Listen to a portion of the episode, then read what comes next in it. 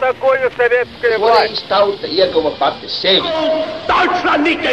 Liktenīgas nejaušības un slēptas likumsakarības, subjektīvas patiesības un objektīvi aizspriedumi. Pēc atkušņa nekad nenāk uzreiz pavasars, bet sākās Arī šodien cilvēki ir ļoti tūredzīgi. Viņi redz to naudu, kas ir. Televīzijā jau pamatā notiek cīņa par varu. Pagātne no šodienas skatu punkta un šodienas caur pagātnes prizmu. Raidījumā šīs dienas acīm. Latvijas radio eterā Eduards Liniņš. Labdien, cienījamie klausītāji! 3. martā apritēja 20 gadi notikumam, kas bija viens no tādiem iezīmīgiem punktiem Latvijas ceļā uz neatkarību. Proti 1991. gadā 3. martā Latvijā notika visu iedzīvotāju nobalsošana par jautājumu, vai Latvijai būt demokrātiskai un neatkarīgai valstī. Mana sarunas biedra studijā - vēsturniece Daina Blējere. Labdien! Labdien! Šis notikums no vienas puses, teiksim tā, nobāla vai mazāk spilgts salīdzinot ar citām norisēm 91. gadā un, protams, ar barikāžu notikumiem gada sākumā. Tomēr šajā notikumā ir gana daudz tāda būtiska un būtiska joprojām arī šī brīža politiskajai situācijai. Jo arī mūsu laikos brīdi pa brīdim šis referendums vai nobalsošana un tās rezultāti tiek minēti kā arguments, pie tam arguments dažādu politisku uzskatu un dažādu politisku lēmumu pamatošanai. Tātad runa ir par to, ka šajā dienā visi Latvijas iedzīvotāji, tobrīd vēl no Padomju Savienības centrālās varas viedokļa padomju pilsoņi, devās uz vēlēšanu iecirkņiem un pauda savu attieksmi pret varbūt mūsu laikos varētu šķist arī tādu mulsinoši vienkāršu jautājumu. Un piedaloties bez ierobežojumiem visiem Latvijas pastāvīgajiem iedzīvotājiem, tātad gan nākamajiem Latvijas pilsoņiem, gan tiem, kuri pēc neatkarības atjaunošanas nonāca tā dēvētajā nepilsoņu statusā, apmēram 75%. Apmēram 3 ceturdaļas. Precīzāk, 76,61%. Jā, pauda savu atbalstu demokrātiskai un valstiski neatkarīgai Latvijai. Šis notikums nebija Latvijas valdības un Latvijas neatkarības atbalstītāju iniciēts. Tāda nobalsošana šajā laikā notika visā Padomju Savienībā, un lietas būtība bija tā, ka it kā Padomju Savienības vara lika priekšā saviem pilsoņiem leģitimēt šīs valsts pastāvēšanu un paust savu atbalstu Padomju Savienības turpmākajai eksistencei. Kas vispār visā Padomju Savienības mērogā noveda pie šī notikuma? 3. marta aptauja bez šaubām ir jāskatās kopējā PSRS kontekstā, jo faktiski tā tika uzspiesta Latvijai. Mēs to nevēlējāmies, mums tā patiesībā arī it kā nevajadzēja, jo tauta savu viedokli bija paudusi, arī visi republikas pastāvīgi iedzīvotāji bija pauduši savu viedokli jau ievēlot augstāko padomi, kas pieņēma 1990. gada 4. maija deklarāciju par neatkarības atjaunošanu. Un no tiesiskās puses skatoties, zināmā mērā tā bija atkāpšanās no mūsu pozīcijām. Un sākotnēji arī Latvijas Tautas fronte un Latvijas augstākā padome bija pret šo referendumu. Taču kopējā kontekstā tomēr nācās to īstenot, un iemesli tam bija vairāki. Pirmkārt, protams, tā bija Gorbačova iniciatīva. 17. martā organizēt visas padomju savienības referendumu, kura jautājums bija vai jūs uzskatāt par nepieciešamu saglabāt Padomi Socialistisko republiku savienību kā suverēnu republiku, atjaunotu federāciju, kurā pilnībā tiktu garantētas jebkuras nacionalitātes cilvēka tiesības un brīvības. Jautājums bija ārkārtīgi sarežģīti uzstādīts un ārkārtīgi pretrunīgs, acīm redzot, galvenokārt ar mērķi tieši panākt šo pozitīvo iznākumu. Kāpēc Gorbačovam bija vajadzīgs šāds referendums? Vairāku iemeslu dēļ. Pirmais ir tas, ka 91. gada pirmajos mēnešos jau bija skaidrs, ka šīs centra bēdzes tendences padomju savienībā ir ļoti izteiktas. Ne tikai Baltijas republikas, kas jau bija paziņojušas par savu neatkarību no PSRS, bet arī Gruzija, Armēnija, Moldova jau diezgan izteikti gāja uz savas neatkarības pasludināšanu. Um, Rietumu Ukrainā aktīva neatkarības Jā, kustība. bija arī citur, bet tīri republikas kā vienības. Ukraina vēl tam īsti nebija gatava. Otrs moments ir Gorbačova un Jeļcina cīņa, savstarpējs konflikts. Respektīvi, Jeļcins kā Krievijas federācijas līderis centās panākt arvien lielāku Krievijas federācijas neatkarību no Savienības, kas nozīmē arī Gorbačovu pozīciju vājināšanos. Lielā mērā šim 17. marta referendumam bija jābūt uzticības referendumam Gorbačovam, un to arī pietiekami labi visi apzinājās arī Krievijas federācijā. Tādēļ Krievijas federācijas Jeļcina piekritēji aicināja šajā 17. marta referendumā balsot pret kas attiecās uz Baltijas republikām, piedalīties šajā 17. marta referendumā nozīmētu atzīt to, ka mēs vēl esam Padomju Savienības sastāvdaļa, lai gan mēs jau bijām paziņojuši par savu neatkarību. No vienas puses tas bija tāds arī it kā tiesiski nepieņemams solis. No otras puses, pat ja mēs piedalītos un nobalsotu pret viss absolūtais vairums republikas iedzīvotāju.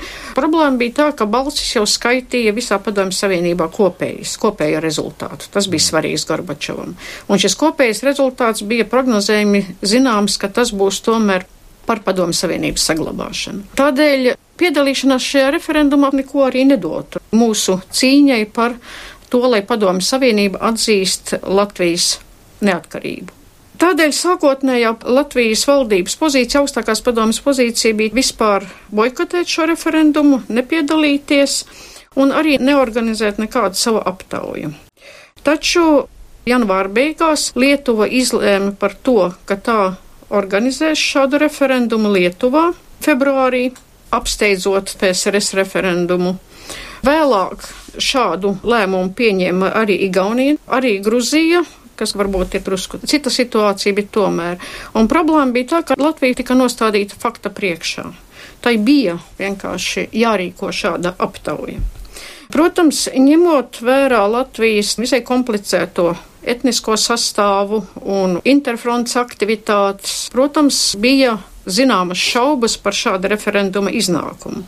Viens piemērs ir Daugavpils pilsēta, kuras vadība paziņoja par to, ka tā atbalstīs PSRS referenduma rīkošanu šajā pilsētā. Tomēr jāsaka, ka kopējie noskaņojumi pēc 91. gada janvāra barikādēm un arī ņemot kopējos procesus padomu savienībā šajā laikā, šie noskaņojumi bija par labu Latvijas neatkarībai. Starp citu, arī Daugavpilī 3. marta aptaujā par Latvijas neatkarību nobalsoja 63,4% iedzīvotāji. Ņemot vērā to, ka Daugopilī tajā laikā bija 13% latviešu un ka vispār tur interfronts pozīcijas bija ārkārtīgi spēcīgas, tas ļoti daudz ko liecina par kopējiem noskaņojumiem. Tādēļ Latvijā, principā, pie tam ņemot vērā, ka ļoti augsts bija arī piedalījušos procents, vairāk 87% Latvijas pastāvīgo iedzīvotāju piedalījās. Tādējādi tas noteikti liecina par to, ka patiešām tajā brīdī lielākā daļa Latvijas iedzīvotāju apzinājās, arī nelatvieši ļoti labi apzinājās to, ka faktiski Latvijas neatkarība tā jau ir kaut kur zināmā mērā jau izlemts jautājums, ka tā noteikti būs agri vai vēlu, un ka šī situācija kaut kādā veidā ir vai nu jāakceptē vai nē, bet viņi bija gatavi akceptēt šo situāciju. Pie tam jāņem vērā to, ka 17. marta referendumā, kuru Interfronte, Latvijas kompartija un ar to saistītās organizācijas organizēja, piedalījās tikai pēc oficiāliem datiem ap 500 tūkstoši iedzīvotāji.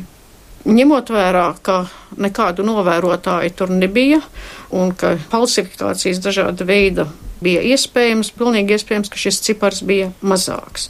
Turklāt jāņem vērā tas, ka, protams, ir jautājums par to, cik lielā mērā šajā 17. marta referendumā piedalījās militāra personas.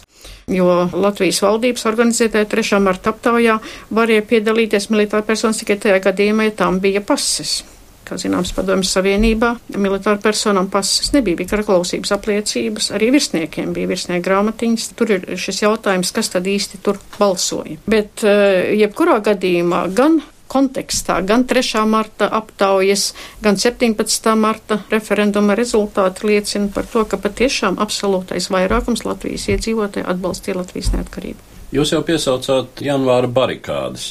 Laikam tas ir jāuzsver, ka barikāžu notikumiem šajā ziņā bija visai liela nozīme, veidojot tā brīža noskaņojumu par labu Latvijas neatkarībai.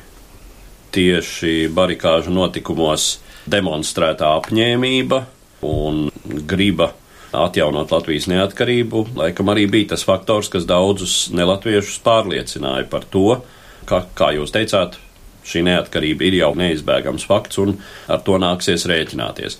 Tomēr šodien, varbūt uzdodot šo jautājumu arī dažiem Latvijas citautiešiem, izskan viedoklis, ka šāds rezultāts bija lielā mērā arī tāpēc, ka līdz šim brīdim Latvijas Tautas fronte un vispār Latvijas neatkarības atjaunotāji nebija vēl ļoti strikti formulējuši tos nosacījumus, ar kādiem pēc neatkarības atjaunošanas tiks piešķirta Latvijas Republikas pilsonība, un zināmā mērā daudzos nelatviešos tobrīd bija radīts viedoklis, ka viņi saņems šo pilsonību automātiski. Vai arī var būt, ka nobalsojot šādā referendumā, tas arī varētu būt arguments, lai šo pilsonību viņiem piešķirtu.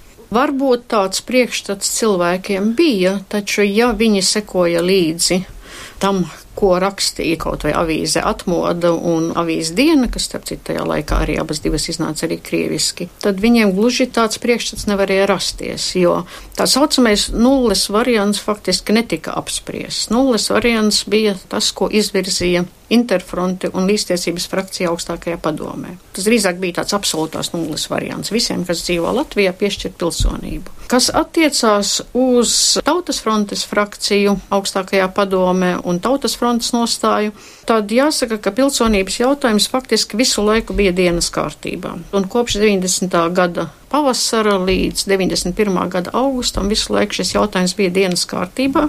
Taču bija arī Jūra Bojāra izstrādāties likumprojekts, kas paredzēja ļoti liberālus pilsonības iegūšanas nosacījumus, teiksim, piecu gadu cenzu un vēl zināmus nosacījumus. Taču tāds nulles variants netika apspriests. Tika apspriesti dažādi citi varianti, un viedokļu spektrs svārstījās starp šo iespēju visiem pastāvīgajiem iedzīvotājiem iegūt pilsonību, kas atbilst noteiktam nodzīvoto gadu cenzam. Un tam līdzīgi līdz tam variantam, kas tika pieņemts 91. gada 15. oktobra augstākās padomas lēmumā, respektīvi, ka pilsonība automātiski ir piešķirama Latvijas republikas pilsoņiem un viņu pēctečiem, un ka pāriešu pilsonību var iegūt naturalizācijas kārtībā. Taču šis jautājums visu laiku tika diskutēts, bet nekur īpaši uz priekšu arī netika. Acīm redzot, vairāku iemeslu dēļ. Pirmkārt, kamēr Latvija nebija de facto neatkarīga, acīm redzot, šo jautājumu pilnībā arī nebija iespējams izlemt. Otrs apstākļis ir tas, ka, ja pat tiktu apstiprināts vai pieņemts kaut kāda veida pilsonības likums, tas varētu tikt apstrīdēts. Turklāt apstrīdēts no abām pusēm kā no interfrontes puses, jo tā bija par pilnīgi nulles variantu, gan arī no pilsoņu komiteju, Latvijas Nacionālās neatkarības kustības, kā arī no Tautas frontes mērenāko spēku viedokļa. Jebkurš variants izsauktu tikai lielāku konfrontāciju un lielākas neskaidrības. Un šajā situācijā, kad vēl nebija skaidrības par Latvijas valsts tiesisko statusu un nebija zināms, kad īsti šo neatkarību iegūs, cik daudz laika tas prasīs, Acīm redzot, šāda konfrontācijas pastiprināšanās, ņemot vērā to, ka konfrontācijas fons pats par sevi jau bija ārkārtīgi, teiksim, tāds augsts. Gan konfrontācijas starp Maskavu un Rīgu, gan konfrontācija iekšpolitiskā, tas acīm redzām nebija vēlami. Bieži vien tagad diskusijās, kā saka, akmeņi tiek mesti tautas fronts dārzā, ka tā ir pie visa vainīgā. Es gribētu teikt, ka lieli akmeņi būtu jāmet arī interfronts dārzā un līdztiesības frakcijas dārzā. Jo lielā mērā tieši tās nostāja bija tā, kas neveicināja kaut kādu skaidrāku jautājumu formulēšanu. Jo līdztiesības frakcija, Interfronte un to atbalstošās organizācijas, Latvijas kompartija un līdz ar to arī līdztiesības frakcija augstākajā padomē visu laiku līdz pat augusta pučam pieturējās pie uzskata, ka Latvija jāpaliek padomju savienības sastāvā.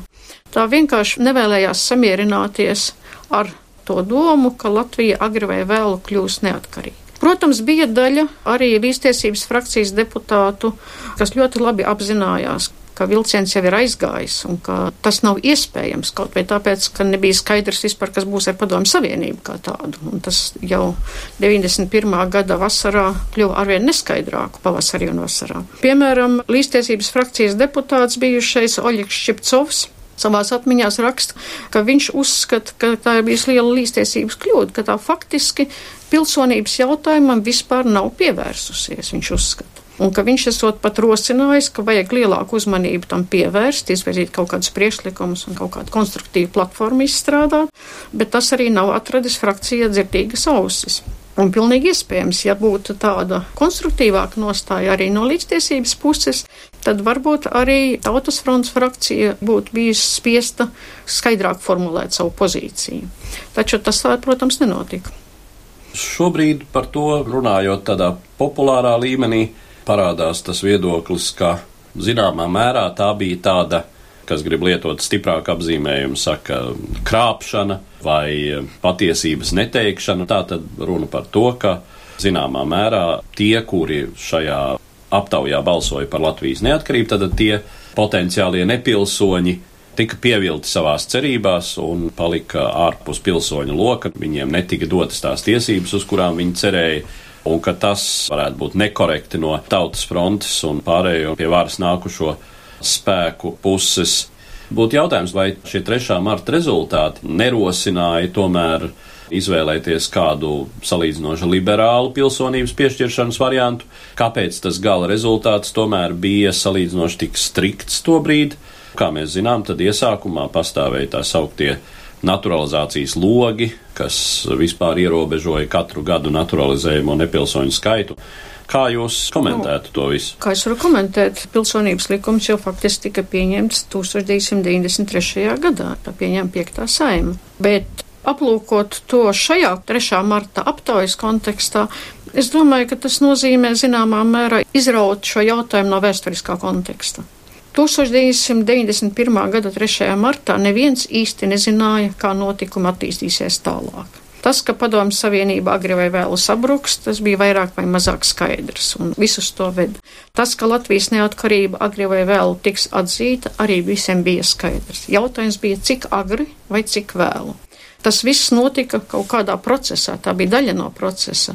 Un jautājums par to cilvēku statusu, kas ir iebraukuši padomju okupācijas laikā Latvijā un viņu pēcteču statusu, pilsonības jautājums, tas bija jautājums, kas kaut kādā veidā visu laiku tika risināts, par to tika domāts. Taču pieņemsim, ja Padomu Savienība kaut kādā veidā būtu saglabājusies, ja sarunas ar PSRS būtu turpinājušās vēl gadu, piemēram, vai divus, tad pilnīgi iespējams, ka šis jautājums būtu risināts kaut kādā citādākā veidā. Šeit, protams, jāņem vērā arī tas apstākļus, ka Latvija nevar atraut no tā, kas notika Lietuvā un Igaunijā. Lielā mērā tie soļi, kurus būtu spērusi Lietuva vai Igaunija šajā virzienā, ietekmētu arī Latvijas nostāju un tam līdzīgi. Tā ka mēs nevaram tik vienkāršoti skatīties, ka tautas fronte tīšu prāt kaut ko slēpa, ka tas bija tikai taktisks solis, šīs runas par to, ka nepilsoņi varēs būt pilsoņi vai tam līdzīgi. Principā arī tautas frontes ietvaros cīnījās dažādi viedokļi, un arī ārpus tautas frontes. Jāatcerās, ka bija pilsoņu komitejas, kas darbojās ārpus, pastāvēja dažādi viedokļi un notika šo viedokļu cīņa. Ir pilnīgi skaidrs, ka šis mērenākais viedoklis 91. gadā pamazām zaudēja savu ietekmi. Un gan tautas fronte radikalizējās, gan radikalizējās arī sabiedrība, latviešu vairākums. Iestājās par striktākiem pilsonības noteikumiem. Otra lieta ir tā, ka marts, aprīlis, maijs, jūnijas, jūlijas un tad ir apvērsums pučs Maskavā, puča izgāšanās un Baltijas valstu neatkarības lavīnveidīga atzīšana. Un tas jau radīja pilnīgi jaunu situāciju, kurā arī tad šo jautājumu varēja atrisināt, un tas tika atrisināts tādā veidā, kādā tas tika atrisināts. Tie uzskati, viedokļi, kas pastāvēja līdz 21. augustam šī situācija, kas izveidojās neatkarības faktiskās atgūšanas rezultātā, situācija un noskaņojumi diezgan stipri mainījās. Un ir jautājums par atvieglotiem vai ļoti atvieglotiem vai de facto gandrīz vai nulles variantu, šis jautājums kļuva grūti aizstāvāms augstākajā padomē. Otram kārtām arvien vairāk ņēma virsroku uzskats, kuru atbalstīja gan pilsoņu komitejas, gan kas ir svarīgi, varbūt kas bija ietekmīgāk bez šaubām, tas bija Latvijas Nacionālās neatkarības kustība, ka šo jautājumu par pilsonību var izlemt tikai saima. Tas nav augstākās padomas kompetence, ka augstākās padomas funkcija turpmāk ir sagatavot saimas vēlēšanas, sagatavot pamatu, lai varētu pilnībā tikt atjaunota neatkarīgā Latvijas republika, respektīvi, lai pilnībā tiktu atjaunota satversmes darbība. Runājot par to, kā 3. marta balsošanas rezultāti izskatījās no Maskavas viedokļa, vai um, līdz tam bija kaut kādas cerības ka Latvijā šie rezultāti varētu būt citādi, un vai kaut kas mainījās pirmām kārtām droši vien Mihaila Gorbačova nostājā attiecībā pret uh, Latvijas un pārējo Baltijas valstu neatkarību, jo, nu, jāpiemina, ka abās citās Baltijas valstīs arī dzen šie rezultāti, protams, bija par labu neatkarības atjaunošanai. Jā, bez šaubām Lietuvā, piemēram, 9. februārī notikušajā aptaujā piedalījās 86% balstiesīgo iedzīvotāju, no kuriem vairāk kā 90% nobalsoja par Lietuvas neatkarību. Un e, Igaunija arī šis procents bija ļoti augsts. Taču stingri ņemot, 3. marta aptaujai Latvijā arī varētu teikt, bija vairāk tāda morāla nozīme. Viņai nebija pārāk lielas politiskas nozīmes. Un no Maskavas viedokļa tas arī absolūti neko nemainīja. Gorbačovs palika pie sava viedokļa, ka Baltijas valstis, kā saka, viņu neatkarības deklarācijas ir nelikumīgas un ka tām jāizstājās no Padomjas Savienības uz PSRS likuma pamata. Baltijas valstis palika pie sava, ka tās jau savu viedokļi ir izteikušas, un ka faktiski šīs aptaujas tikai pastiprina šo viedokli bez šaubām, ka tas patiešām, ja jau teica, ka augstākā padomju vēlēšanas nav reprezentatīvas, ka tās pilnībā neatspoguļo tautas gribu. Tagad bija rezultāti, kas parādīja, ka patiešām tautas gribu atspoguļo un ne tikai pamatnācijas viedokli, bet arī krivalodīgo iedzīvotāju lielākās daļas viedokli. Tādējādi katrs palika savās pozīcijās. Un, Ja kaut kas Gorbačovu ietekmēja, jo patiešām kaut kur aprīlī tomēr jau parādījās pazīmes, ka var sākties kaut kādas sarunas ar Maskavu par neatkarību, tad ietekmēja pirmkārtām tas, ka vispār Gorbačo pozīcijas pavājinājās īpaši saistībā ar konfrontāciju ar Jeļcinu. Otra lieta ir tas, ka spiediens no rietumiem, kam arī bija būtiska nozīme. Tajā pat laikā jāņem vērā tas, ka 17. marta referendums bez šaubām bija zināma Gorbačova uzvara, jo, kā jau es teicu, Baltijas republikas, Gruzija, Armēnija un Moldova tajā gan nepiedalījās, Taču pārējās padomju republikas piedalījās, tajā skaitā arī Krievijas federācijā. Pāri par 70% piedalījušos izteicās par padomju savienības pastāvēšanu. Negatīvi rezultāti gan bija trīs Rietumu-Ukrainas apgabalos un arī Kijevā, arī Krievijas federācijā dažādās lielpilsētās bija rezultāti sliktāk. Toties to visu ar uzviju atsvēra tas, ka Vidusāzijas republikās tur pāri par 85% nobalsoja par padomju savienības saglabāšanu. Tā kā visumā, protams, tāda zināma taktiska uzvara Gorbačovam uz laiku tā bija, taču tā zināmā mērā bija arī tāda pirra uzvara, jo faktiski tā arī neko būtiski neietekmēja tālākajā notikuma attīstībā. Droši vien novērtējot to, kādi tad bija 3. marta balsojuma rezultāti Latvijā, tas, kas mūs joprojām varētu visvairāk interesēt, kādi bija tie motīvi, kas lika nelatviešiem tomēr salīdzinoši tik pozitīvi pieņemt šo Latvijas neatkarības ideju. Viens tā tad to vienkārši uzskatīja par neizbēgamu, un viņus pārliecināja sabiedrības latviskās daļas ļoti stingrā un apņēmīgā nostāja. Cik varbūt bija un kādi varēja būt citi motīvi? Nu, tātad viens, kas nāk prātā, viņu simpātijas pret to vispār demokrātisko tendenci, kas galu galā bija formulēta arī šajā jautājumā. Jā, tas arī varētu būt, jo jāņem vērā, ka arī visā Krievijas federācijā šis jautājums par demokrātiju, kas bija izvirzījies jau kopš 80. gadu otrās puses, bija ārkārtīgi būtisks par demokrātisku valsti un par demokrātisku attīstību. Bez šaubām liela daļa arī krievu un citu tautiešu sabiedrības iestājās. Un Latvijā noteikti šis tendences bija stiprāks nekā daudz kur citur Krievijā. Man grūti pateikt, jo es neesmu atradusi pētījumu rezultātus, kurā būtu mēģināts šo nostāju tā skaidrāk pateikt. Ir dažādi pētījumi, uz kuriem atsaucās pētnieki par kopējo nostāju, vai atbalsta Latvijas neatkarību, vai viņi Latvijas neatkarības gadījumā gatavojās doties projām no Latvijas, un starp citu apmēram 85% citautiešu arī kaut kur apmēram šajā laikā veiktā aptaujā bija atbildējuši, ka viņi negatavojās to darīt. Es pieņēmu, ka varētu būt dažādi motīvi. Pirmkārt, tie var būt bez tā motīva, par kuru mēs jau runājām, par to, ka vienkārši apzinājās to, ka šī notikuma ir neizbēgami un ka cita notikuma attīstība ir maz iespējama. Es varu pieļaut, ka viens būtisks moments, kas ietekmēja, bija tas, ka ekonomiskais stāvoklis katru dienu pasliktinājās. Pasliktinājās kā Latvijā, tā pasliktinājās arī visā padomu savienībā bet bija pārliecība, ka tomēr Latvijā šis pasliktinājums nevarētu būt tik dziļš un tik pamatīgs kā citur padomju savienībā, vai ka Latvija, kā neatkarīga Latvija, kas spēs ātrāk tikt galā ar šīm ekonomiskajām grūtībām. Tas varētu būt tāds ekonomiskais motīvs. Otrs motīvs varētu būt arī tas, ka tomēr liela daļa citautiešu nav šodien un nebija arī toreiz viendabīga masa.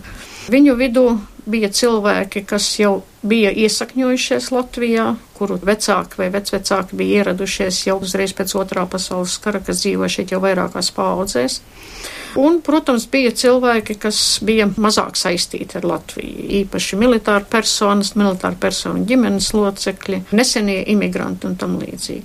Bija liela sabiedrības daļa, kas pietiekami stingri iesakņojusies un kaut vai tāpēc tā bija ieinteresēta un vēlējās atbalstīt tos procesus, kas šeit notika.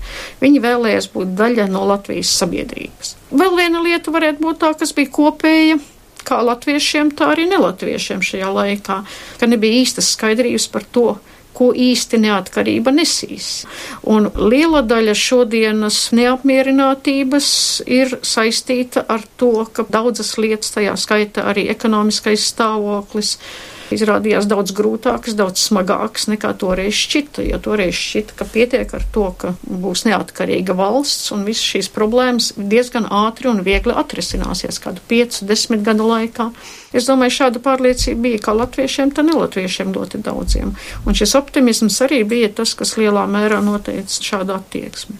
Kad vēlāk, 90. gada sākumā, kad sākās reālas grūtības un tādas ļoti smagas grūtības, tad, protams, šis optimisms gāja mazumā un parādījās lielāka vēlēšanās meklēt tomēr vainīgos. Vēl viens motīvs, kur es varbūt piesaukt, ir tas, kas attiecas tieši uz nelatviešu daļu potenciāli neatkarīga Latvija varētu ātrāk tuvināties, teiksim, rietumiem un visiem tiem labumiem, kas toreiz saistījās ar rietumu pasauli, no nu, jebkuram padomju pilsonim. Jā, tādā diezgan klišejiskā un primitīvā veidā, bet tā bija iespēja nonākt ātrāk, kā toreiz to uztvēra patēriņa paradīzē, salīdzinot ar padomju savienību, kādi tika uztverti rietumi. Nu, un vispār būt tur mazliet vulgāri izsakoties aiz paugura ar aiz, visu, aiz vai, vai aiz dīķa, ja, kopā ar visu savu esošo dzīves vietu. Jā, pilnīgi piekrītu, jo šim motīvam arī, protams, bija ļoti liela nozīme. Kā es teicu, šis optimisms bija par to, ka mēs ātri varēsim sasniegt šo līmeni. Tas bija izplatīts arī latviešu sabiedrībā. Bija dažādas publikācijas, atceros, atvodā bija, piemēram, viena publikācija, kur bija rakstīts, ka mēs varam sasniegt Somijas līmeni kādos 5 līdz 10, 15 gados. Optimisms bija ārkārtīgi liels, un es domāju, ka tas bija kā latviešu, tā nelatviešu vidū. Droši vien ar tādu secinājumu tad mēs arī varētu noslēgt šodienas sarunu sarunu, ka 3. marta balsojums 1991. gadā atspoguļoja tiešām to ārkārtīgi lielo optimismu, un sevišķi, ja mēs runājam par latviešu sabiedrības daļu, tad pat sajūsmu, kas to brīdi valdīja. Un tas, protams, ir jāņem vērā un attiecīgi vērtējot tā brīža nostāju sabiedrībā un sabiedrības noskaņojumu, protams, ir jāņem vērā, ja mēs to sastatām ar šo brīdi un faktiski visu, kas ir bijis pēc tam. Ar tādu secinājumu tad es arī gribētu noslēgt mūsu šodienas sarunu un saku paldies manai sarunas biedrai, vēsturniecei Dainai Blējerei. Paldies jums! Par pagātni sarunājas Eduards Liniņš.